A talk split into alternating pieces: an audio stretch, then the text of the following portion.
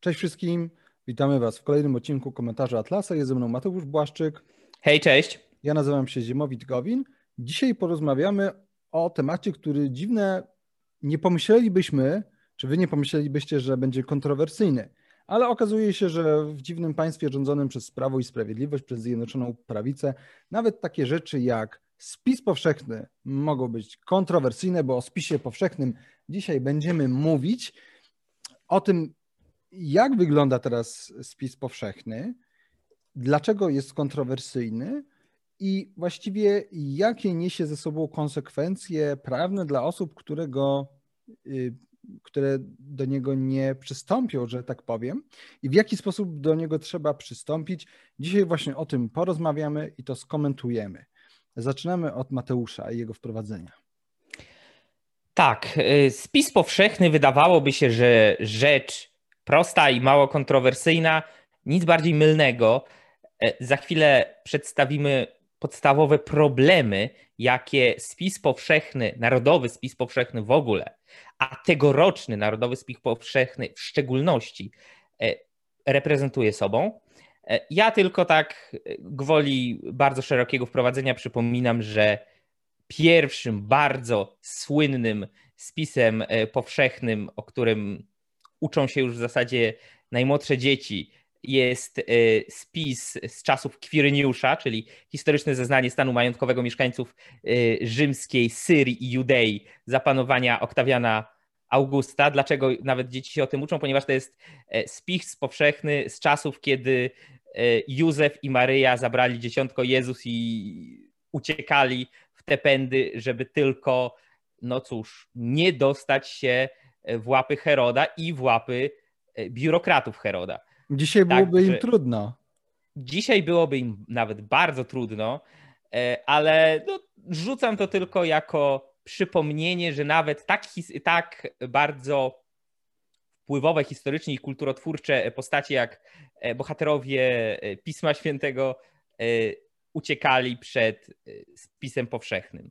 Zapewne nie z takich powodów, o jakich dzisiaj będziemy mówić, kiedy będziemy ów spis powszechny krytykować, natomiast spora szansa, że przynajmniej część rzeczy się nie zmieniła, bo się nie zmieniła.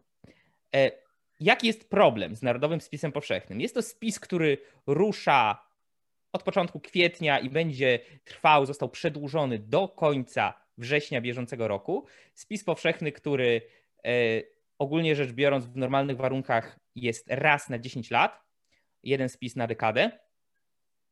I co jest szczególne w tym spisie? Po pierwsze, część zasad co do jego przeprowadzania została zmieniona. E, tutaj dla zwolenników jakichś bardziej spiskowych teorii e, uspokajam, nie, nie zmieniona ze względu na e, sytuację związaną z COVID-19 i z lockdownami, bo zmiana nastąpiła w połowie 2019 roku, bodajże w sierpniu, jeśli się nie mylę. I spis powszechny wygląda teraz trochę inaczej i trochę potencjalnie groźniej.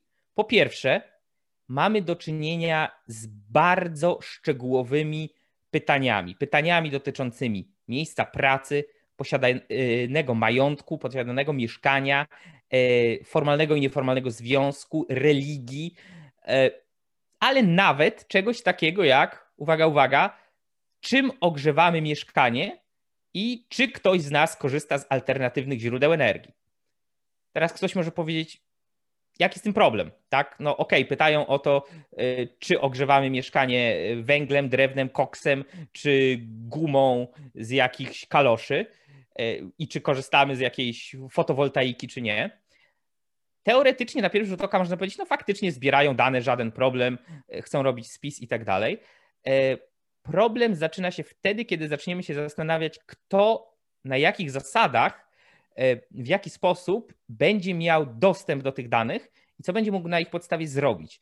E, bo myślę, że wszyscy wiemy i wyjmy, że no cóż, każdy rząd trzeciej RP, a obecny rząd w szczególności, bardzo lubi wtryniać swój długi nos w nie swoje sprawy i jest no, typowo etatystyczny, interwencjonistyczny, lubiący mieszać się w prywatne życie obywateli, więc nie jest jakimś e, doszukiwaniem się spisków prosta obawa, że zebranie tych danych może posłużyć do tego, żeby chociażby powiedzieć: patrzcie, Polacy, ty, ci, ci, tak duża liczba e, w tych i w tych rejonach ogrzewa mieszkanie czymś, co jest sprzeczne z naszą polityką odnawialnych źródeł energii albo czegokolwiek innego, więc trzeba coś z tym zrobić. Trzeba wprowadzić prawo, nowy przepis i tak dalej, i tak dalej, i tak dalej. Myślę, że sami widzicie, dokąd to e, zmierza.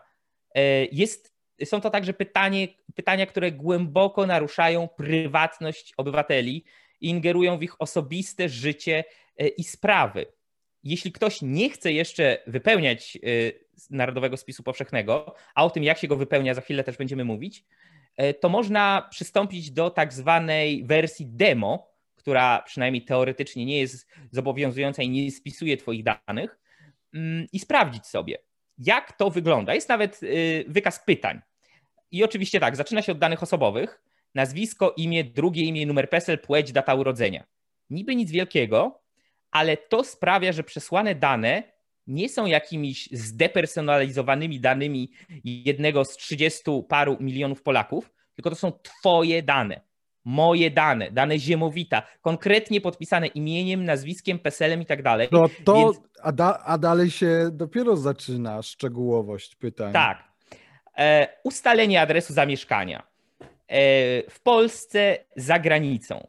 E, co więcej, jeśli się przebywało za granicą e, przez rok, w, ubiegu, w którymś z ubiegłych lat też trzeba napisać gdzie, kiedy, jak gdzie się mieszka, dom jednorodzinny, mieszkanie, e, pomieszczenie w mieszkaniu, e, obiekt zbiorowego e, zakwaterowania. No, jeśli ktoś jest tym słynnym tak zwanym kucem internetowym, to ma nawet opcję zaznaczyć inne niż mieszkanie, pomieszczenie, piwnica. Także polecam. Czy ten adres jest stałym czy czasowym adresem zamieszkania? To jest też o tyle istotne, że no, wiele razy było podnoszone, że obowiązek meldunkowy jest de facto bezpodstawny, bezużyteczny i potencjalnie niekonstytucyjny, a tutaj konkretnie każą ci precyzować, gdzie mieszkasz, czy na stałe, czy tymczasowo i tak dalej, i tak. Jak długo tam mieszkasz? Krócej niż rok? Proszę podać od kiedy? Miesiąc i rok. Rok lub dłużej i tak E, pod innym adresem e, w Polsce, za granicą. Wszystko to trzeba e, podać oraz, co więcej, kto z tobą mieszka. Czy pod tym adresem mieszkały inne osoby? Czy pod tym adresem mieszkają z tobą albo mieszkali inni członkowie rodziny? I to już jest, to już jest gruby absurd. Cytuję z listy pytań. Proszę dopisać wszystkie osoby, które w dniu 31 marca 2021 o godzinie 24.00 mieszkały pod poniższym adresem lub proszę dopisać wszystkie osoby z Pana rodziny i tak dalej, które tu mieszkały i trzeba, jak to dopisać te osoby? W jaki sposób? Nazwisko, imię, drugie imię, numer PESEL, dziecko bez nadanego numeru PESEL, cudzoziemiec bez nadanego numeru PESEL, płeć, data urodzenia. I co więcej, dalej trzeba uzupełniać te dane dotyczące tych osób, gdzie one mieszkały, gdzie mają stałe zameldowanie i tak dalej. To naprawdę okazuje się, że nagle mamy o innych osobach podać naprawdę dużo informacji, które po pierwsze te osoby mogą nie chcieć, tak? Mogą na przykład nie chcieć w ogóle przystąpić do spisu powszechnego, za co, o czym jeszcze będziemy mówić, ale już teraz powiem, będzie im groziła kara e, grzywny, jakby on jest obowiązkowy, ale to do tego jeszcze wrócimy. Po drugie, możesz tych danych po prostu nie znać, możesz nie, nie wiedzieć, jaki PESEL ma twój współlokator, współlokatorka e, i tak dalej. Więc to są naprawdę bardzo tak. szczegółowe pytania. To one są do tego stopnia szczegółowe, że na przykład musisz podać, jaki jest dokładny metraż jaki jest dokładny metraż twojego mieszkania. A Bo kolejno... może mieszkasz w zbyt dużym mieszkaniu i e, wzorem Hiszpanii powinni cię stamtąd wykwaterować dać to jakimś bezdomnym, albo dokwaterować ci e, jakichś kolejnych lokatorów, no nie wiadomo. No, tak, na szczęście raczej nie będzie, ale jeżeli Z naciskiem pomylisz, na raczej. Jeżeli się, pomylisz, jeżeli się pomylisz, to mogą cię czekać bardzo poważne tak. konsekwencje, o czym powiemy później. Tak, y, ja tutaj chcę powiedzieć, że o tyle nie jest to jakiś wydumany problem, że to może dotyczyć naprawdę najprostszych sytuacji, w których będą się znajdowały tysiące, tysiące Polaków. Prosty przykład. E, jeśli wynajmowałem pokój w mieszkaniu współlokatorowi, musiałbym tu podać wszystkie jego dane. Ale ktoś może powiedzieć, no tak, ale skoro wynajmowałeś, miałeś podpisaną umowę, no to znasz te dane. Załóżmy, okej. Załóżmy, że jakby nie przeszkadza mi naruszenie prywatności tej osoby i podawanie jej danych. Ale teraz wyobraźcie sobie, że jest grupka studentów, którzy słabo się znają, pięć osób powiedzmy. E, być może poznali się dopiero w czasie szukania mieszkania i te pięć osób od konkretnego E, człowieka wynajmuje całe mieszkanie, tak? Bo są tam trzy pokoje, w dwóch pokojach mieszkają po dwie osoby, w ostatnim pokoju jedna osoba. Oprócz tego, że ze sobą mieszkają, te osoby nie wiedzą o sobie prawie nic, bo i nie muszą. I teraz y, osoba, która nie poznała wcześniej żadnych ze swoich współlokatorów, wypełniając y, listę y, pytań Narodowego Spisu Powszechnego, musi podać tychże osób nazwisko, imię, drugie imię, PESEL, datę urodzenia, etc. No i. Datę urodzenia i gdzie te osoby mają tak. zamieszkanie stałe i, i tak te... dalej. Czyli, czyli mówiąc krótko, masz w tym momencie obowiązek pójść do współlokatorów, z, których, z którymi możecie nie dzielić, nie łączyć absolutnie nic, prócz tego, że mieszkacie w danym miejscu. A takie sytuacje, zwłaszcza dla studentów, są normą. Często, takie sytuacje tak. zdarzają się bardzo często i musisz, mówiąc brzydko, wydębić od tych osób e, ich szczegółowe, wrażliwe dane osobiste, bo inaczej jesteś zagrożony karą. E, no więc tyle. E, oczywiście, gdzie ta osoba mieszkała na stałe, która z tobą mieszka teraz i tak dalej. E, jest specjalna część formularza e, spisu dla osób przebywających za granicą kiedy byliście za granicą, jak byliście zameldowani i tak dalej. Relacje rodzinne, czyli trzeba wskazać rodziców, także adopcyjnych, małżonka, partnera, partnerkę, kwestionariusz mieszkaniowy. Proszę wykazać, czyją własnością jest mieszkanie, którym mieszkasz. Co to kogo obchodzi? Jaki interes GUS i w ogóle aparat państwa ma w tym, czyją własnością jest mieszkanie, w którym mieszkam. Może ja nawet nie wiem, czyją własnością jest. Ja mogę wynajmować od osoby X, a ta osoba X może być tylko pośrednikiem, a właścicielem może być osoba Y. I ja mogę nie tylko nie wiedzieć, kim jest osoba Y, e, osoba Y może wyraźnie nie życzyć sobie, aby jej tożsamość była znana z dowolnego, możliwego do wyobrażenia sobie powodu.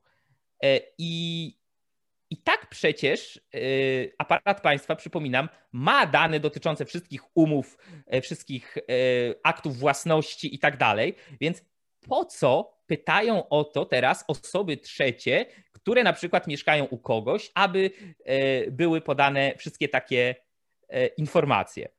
Nie wiem. No, oczywiście, tak jak Ziemowit powiedział, jest proszę podać powierzchnię użytkową mieszkania ogółem w pełnych metrach kwadratowych. No i tak jak mówiłem, proszę wskazać główny sposób ogrzewania mieszkania. Z sieci, ze źródła ciepła zasilającego jeden budynek wielomieszkaniowy, centralne ogrzewanie indywidualne, piec, piece, pozostałe. Proszę wskazać przeważający rodzaj paliwa lub źródło energii stosowane do ogrzewania mieszkania. Można Czy nie od... wiedzieć na przykład. Tak, dokładnie. Ktoś ja może... na przykład nie byłem pewien, bo ja uzupełniałem i coś tam wpisałem, ale nie, nie wiem, czy to jest prawda no to spodziewaj się smutnych panów pukających o 6 nad ranem.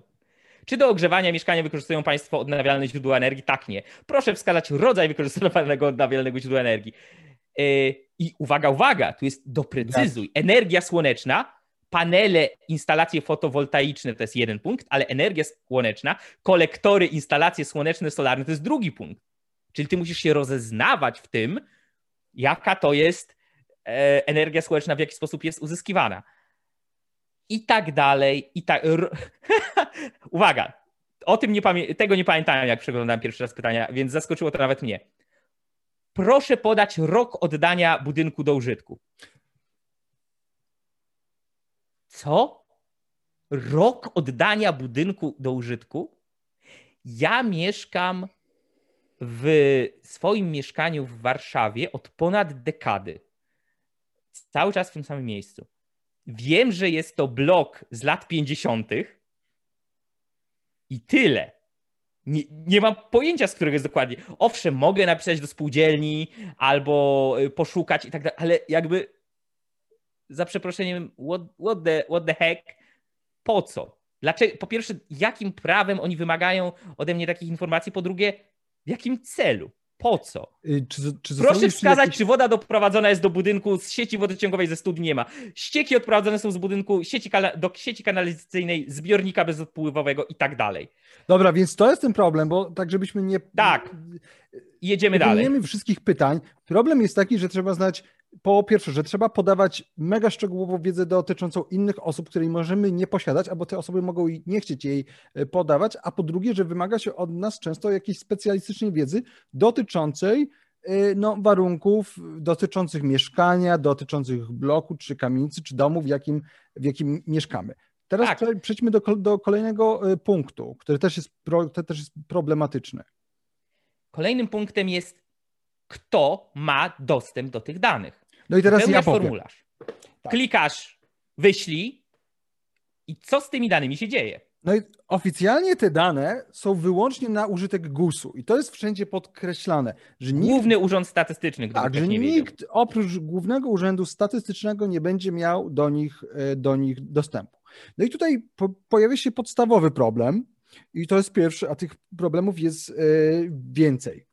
E, istnieje możliwość, że ktoś stwierdzi, że podane dane są fałszywe. Czyli na, czyli na przykład nie wiecie, czy macie panele fotowoltaiczne, albo pod, podaliście, że wasze mieszkanie ma 48 metrów, a tak naprawdę ma 54, albo na przykład poda, podaliście, że wasz blok został wy, wybudowany w 2003, a został wybudowany w 2006. I wtedy jest to uznane za, fał, za fałszerstwo. Do tego jeszcze przejdziemy. Natomiast jeżeli jest to, jest to fałszerstwo, to mogą się wami zająć organy ścigania. A to oznacza, że dane, które podajecie, wcale nie są tylko dla GUS-u. Więc naprawdę yy, to, że to jest tylko dla GUS-u, trzeba wziąć w duży nawias. Pytanie, kto to będzie sprawdzał, yy, jak to będzie kontrolowane, przez jaki, czy to GUS będzie kontrolował, czy to GUS przyjdzie, zmierzy nam metraż, yy, albo sprawdzi gdzieś, że o, Błaszczyk to tak naprawdę jego kamienica jest, jego blok jest 54, zamykamy go. Naprawdę, ludzie, to jest poważna, poważna rzecz, to są poważne pytania. Już pomijam to, jak można sprawdzać tyle milionów y, obywateli. No, ja tutaj mogę odpowiedzieć. Nie można, wobec czego sprawdzanie, jeśli w ogóle będzie istniało, będzie wyrywkowe, wobec czego istnieje większe niż zerowe prawdopodobieństwo, że będzie to haczyk na no, osoby, które się nie za bardzo lubi. I to albo na wyższym poziomie y, decydentów politycznych, albo na poziomie nawet jakiegoś zwykłego urzędnika z GUS-u, który będzie siedział i spojrzy sobie i mówi: O, o, Kowalski, tego to ja znam, a to jest a to jest dziadek, a kiedyś odbił mi dziewczynę w przedszkolu. Zaraz sprawdzimy, czy ma wszystkie dane i tak dalej, i tak dalej, i tak dalej. Tak? I kolejną Więc... rzeczą związaną z tymi danymi, które podajemy, pamiętajmy, że to są dane, bo tak, w jaki sposób można ten spis powszechny, jak, jak można do, do niego przystąpić? Można przystąpić telefonicznie albo online. Co prawda mówi się, że mają rachmistrze chodzić, ale w sposób ograniczony nie wiadomo, czy do nas przyjdą i główną preferowaną przez rząd, przez GUS formą jest ta forma online. A zatem te wszystkie nasze dane, które idą online, Zakładam, że te telefoniczne też, bo ostatecznie i tak te dane pewnie pójdą do jakiegoś systemu, idą do jednego systemu internetowego. No i teraz wiemy doskonale, że często dochodzi do ataków hakerskich na takie strony jak Facebook, jak Twitter, które są naprawdę bardzo dobrze zabezpieczane im bardzo na tym zależy, żeby nie było żadnych ataków hakerskich, żadnych wycieków danych. A wiemy, że te polskie strony siłą rzeczy, takie y, urzędnicze, państwowe, rządowe, są o wiele gorzej chronione. I co gdyby na przykład te wszystkie bardzo szczegółowe, bardzo szczegółowe dane wyciekły? Cały wasz adres, przeszłe adresy, pesele, pesele waszych znajomych, dziewczyn, chłopaków, nie wiem, współlokatorów, to wszystko wyciekło, no to byłaby naprawdę moim zdaniem katastrofa. Y, I kolejny problem jest związany, więc, więc tu mamy te dwie kwestie, że to może iść do służb, więc to nie jest prawda, że tylko GUS ma do tego dostęp, a po drugie y, jest możliwy wyciek. Po prostu atak hakerski, wyciek tych mega ważnych danych. No i przede wszystkim kolejna rzecz jest taka, że tak naprawdę to, że trzeba wziąć udział w tym spisie powszechnym w sposób czynny, że ty musisz się postarać, my musimy się postarać, żeby tak. wziąć w nim nie, udział. Nie, że zapuka do ciebie rachmistrz, a jeśli nie, to nie masz się czego obawiać, tylko niezależnie od tego, czy ktoś do ciebie zapuka, czy nie, masz obowiązek do końca tak. września bieżącego a zatem roku wypełnić. my mamy się na czym zastanowić, co sobie rząd wymyślił, co państwo sobie, co GUS sobie wymyślił i mamy w tym wziąć udział. Tylko problem polega na tym, że to wszystko jest informowane taką drogą pantoflową przez media, i tak dalej. A co jak ktoś na to nie trafi? Tak. Ja, ja nie dostałem. Starszymi? Ja nie dostałem żadnego listu poleconego ani niczego takiego, co informowałoby mnie y, o konieczności wzięcia udziału w spisie. I ja się zgadzam. Co z osobami starszymi, co y, z osobami, które, no, tak jak ja na przykład, tak? Ja się interesuję tymi bieżącymi rzeczami, między innymi po to, żeby móc o nich rozmawiać w komentarzu Atlasa, natomiast nie mam telewizji w mieszkaniu, tak? Więc myślę, że takich osób jest dużo w tej chwili, które nie mają telewizji, nie słuchają e, głównego wydania wiadomości, etc. et consortes. E, no i co? No i ja rozumiem, najpewniej jest ogromna szansa, że informacja do nich dojdzie, bo ktoś im przekaże, znajomy czy y, współpracownik. Tak, czas czy... jest do końca, do końca września. Ale to jest poczta pantoflowa, no nie przekazuje się takich informacji pocztą pantoflową. Nie. I kolejna rzecz, y, kolejna rzecz jest związana z tym systemem logowania, z weryfikacją. Kto to uzupełnia? Można się zalogować, y, wydaje mi się, na, na swoje e-konto, które to jest konto, Mateusz, pomóż mi. Jedno, jeden ze sposobów logowania jest taki. Podajecie swój PESEL, podajecie tam jeszcze jakieś dane i nazwisko rodowe matki i możecie wpisać swoje hasło i to jest wasze konto. Które zakładacie z... od zera w tym momencie, kiedy przystępujecie tak. do spisu. Znaczy ja tak zrobiłem, bo ja żadnego konta wcześniej nie miałem, y, nie miałem tego konta hmm, tego pan... tego, NFZ-owskiego. Tego NFZ-owskiego, tak. Nie miałem tego konta połączonego z bankiem i tak dalej. Tam są różne rzeczy, które można mieć. Y, więc ja musiałem w taki sposób się zalogować, ale to mogła zrobić każda osoba, która znała mój PESEL, co nie jest trudne, to może być ktoś. Ja przypominam, y, w większości hoteli przy rejestracji daje się swój dowód osobisty, oni często go kserują, więc mają imię i nazwisko, datę urodzenia i PESEL swoich klientów. A to jest przykład, tak? No podaję tutaj przykład. hotelarstwo to... jako przykład bardzo łatwo i w bardzo wielu miejscach musisz albo jest E, od ciebie oczekiwane, abyś podał PESEL, abyś podał dość e, wrażliwe informacje. Jest, więc jak ktoś ma PESEL i nazwisko rodowe waszej matki, to może się logować za was. I może podać te wszystkie, te wszystkie bzdurne dane, tak ktoś może po prostu zrobić komuś psikusa i tak dalej. I, i, I ty no, się musisz potem z tego tłumaczyć. I ty się musisz tłumaczyć. No i teraz ostatnia rzecz. Chodzi o to, że ten, ten przymus, ten spis jest przymusowy. Jest przymusowy, on jest obowiązkowy. Y, I teraz są kary za nieprzystąpienie do wpisu i za niepodanie danych lub za podanie fałszywych informacji. I teraz tak, jak y, czytamy na stronie prawo.pl, kara grzywny grozi za spóźnienie lub zignorowanie zaproszenia do udziału w tym przedsięwzięciu, czyli w spisie powszechnym. Jeszcze surowszą odpowiedzialność może ponieść osoba, która poda fałszywe informacje. Według artykułu 56 y, ustawy jest to przestępstwo. Za przestępstwo, czyli nie wykroczenie, czyli macie do czynienia z prawem karnym, żeby była jasność, tak. nie ze zwykłym prawem cywilnym. Za przekazanie danych statystycznych niezgodnych ze stanem faktycznym grożą nawet dwa lata pozbawienia wolności, mówi profesor Robert Suwaj z Politechniki Warszawskiej, adwokat, bla, bla, bla. Rodzi to pytanie o to, czym taki stan faktyczny właściwie jest oraz jak to będzie weryfikowane. Mam też wątpliwości, czy tak surowa sankcja jest w tym przypadku adekwatna do wagi czynu. No ja nie mam wątpliwości, że nie jest, ale... Y, no więc jeżeli się pomylicie, jeżeli się pomylicie, tak też skonstruowany jest ten y, formularz, że on ma wyłapywać nie, jakieś nieścisłości i wam to y, wskazywać. Ale zakładam, że to nie jest tak, że on jest w stanie wyłapać wszystko. Na pewno nie jest w stanie wyłapać tego, że na przykład możecie się pomylić co do metraża, czy, do, czy co do, yy, no nie wiem, yy, roku, w którym został oddany do użytku wasz ten budynek, w którym mieszkacie. Możecie się po prostu pomylić. I teraz jak to będzie, czyli czy jest to uznane za kłamstwo, czy za pomyłkę? Więc to jest podstawowy problem mamy szczegółowe informacje wymagające czasami szczegółowej wiedzy, której nie mamy na podorędziu, bo łatwo jest wpisać swoją narodowość, którą możemy sobie wymyślić, podać dowolną, czy swoją, y, swoje wyznanie, możemy podać, że nie chcemy mówić. Y, ale to są bardzo szczegółowe dane, szczegółowa wiedza w przypadku wielu pytań i my to musimy zrobić. A jak tego nie zrobimy, to grzywna, a jak się pomylimy, to wtedy nawet kara do dwóch lat pozbawienia wolności. Więc Tutaj pytanie. Jest... Tak?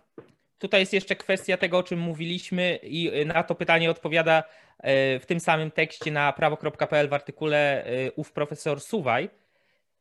Mianowicie, czy dane będą tylko do dyspozycji GUS-u? Pozwolę sobie zacytować to, co powiedział pan profesor e, Robert Suwaj, aby nie było, że no, są to jakieś nasze wydumane obawy. Cytuję. Uważam, że skoro informacje będą w zasobach administracji, to w każdym przypadku każda instytucja publiczna, organ administracyjny, organ egzekucyjny czy prokurator będzie mogła wystąpić o dane dotyczące konkretnej osoby lub nieruchomości. Koniec cytatu. Jeśli tak, to możemy no, głęboko wsadzić sobie gdzieś i wyśmiać sugestię, że nikt prócz Głównego Urzędu Statystycznego nie będzie korzystał e, z tych danych.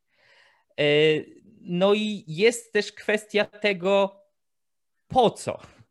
E, po co? Pani dr Marlena Sakowska-Baryła, radca prawny, partner w Sakowska-Baryła, Czaplińska Kancelaria Radców Prawnych Spółka Publiczna, mówi prosto. I ona raczej to mówi no nie chcę powiedzieć z sympatią do spisu powszechnego, ale nie widząc większego problemu. Więc jest to osoba, e, która raczej mówi, no, no takie rzeczy są, tak, tak trzeba. E, obowiązek udziału w spisie wynika z ustawy, jest zgodny z artykułem 51 Konstytucji, jej zdaniem, e, który to artykuł wymaga takiej formy do zobowiązania obywatela do ujawnienia informacji na swój temat. Natomiast ta sama pani mówi dalej. Mam wątpliwości, czy taki spis ma sens w XXI wieku, skoro państwo i tak ma informacje na temat tego, czy mamy dzieci, czym się pali w domach albo jakie jest zużycie wody. Całkowicie się zgadzam. Państwo i tak de facto ma te informacje. Ale będzie Moim łatwiej. zdaniem Będą źle, cały że ma. formularz tak. od razu. A tu ma wszystko skomasowane w jednym miejscu. To jest po prostu jak. I możliwe. E, idealny sposób na E, na po prostu skomasowanie prywatnych informacji na temat każdego obywatela w Polsce. I jeśli komuś się to nie podoba, co można zrobić? Pani e, radca prawna e, Sakowska-Baryła mówi, cytuję, tak czy inaczej zakwestionowanie tego, czy zbierane w spisie informacje są niezbędne, wymagałoby rozstrzygnięcia przez Trybunał Konstytucyjny. No. Koniec cytatu. Czyli, co można powiedzieć, raczej wątpię. raczej nie zostanie to rozstrzygnięte na niekorzyść GUS-u i aparatu państwa.